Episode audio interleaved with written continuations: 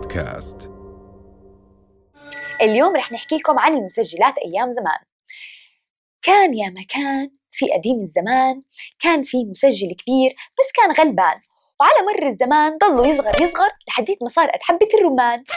فصار عندنا مسميات زي النانو والميني بس خلينا نرجع شوي لورا.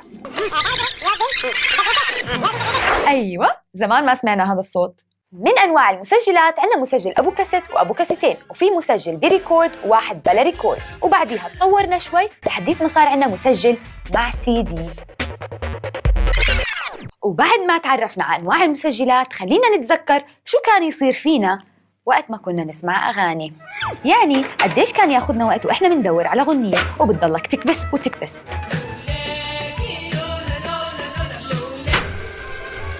حبيبي مثل ريم الفلاح. بيخلص نهارك وانت بتدور على الأغنية. وفي طبعا اللي كان عنده مسجل full option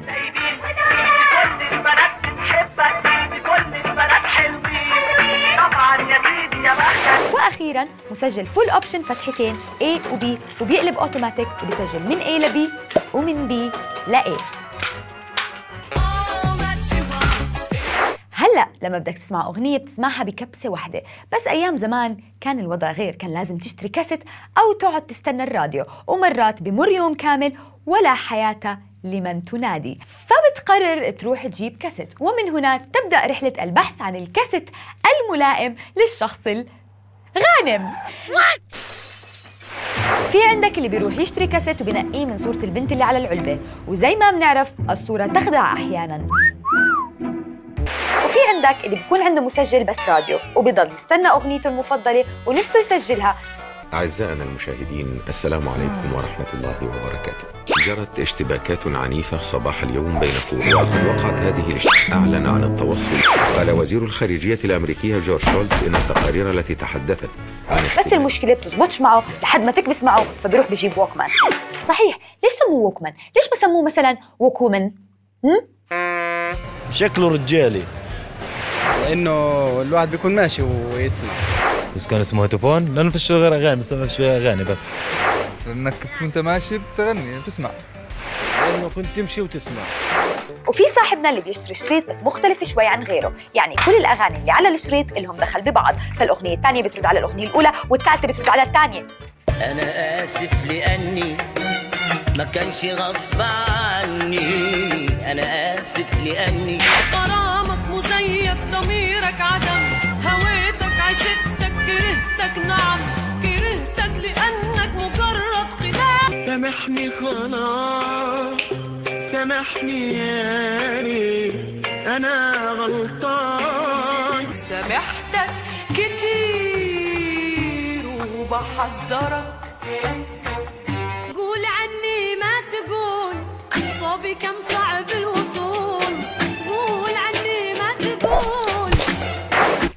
اللي بيعتمد على نفسه وبيعمل كوكتيل أغاني لحاله وبيضله يكرر فيهم لحد ما يحفظهم ويعتبر هذا الشخص من الأشخاص المملين اللي بيخليك تكره الغنية قد ما بتسمعها صار عندنا كاسيت وصار عندنا مسجل وهلأ كيف بدنا نحفظ الأغنية؟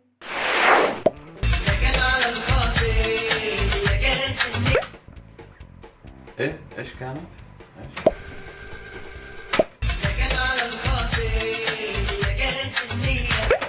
بال على ال- كان على الخاطر ولا بالي في النية. في طرق تانية لحفظ الأغاني. في عندك اللي بيكتب الأغنية على الورقة ولو كل شخص استخدم هذه الطريقة في دروسه كان كلياتنا علماء. وسبب شراء الشريط الأصلي هو عشان الكلمات بتكون فيه. بعد ما اكتملت جميع العناصر المسجل الأغنية والشريط كلنا كنا نفكر إنه صوتنا حلو. بنجمع بعضنا وبنغني. ليش هم اللي بيغنوا أحسن منا؟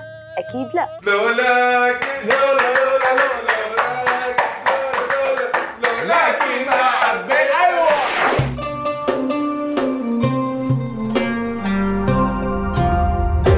رؤيا بودكاست.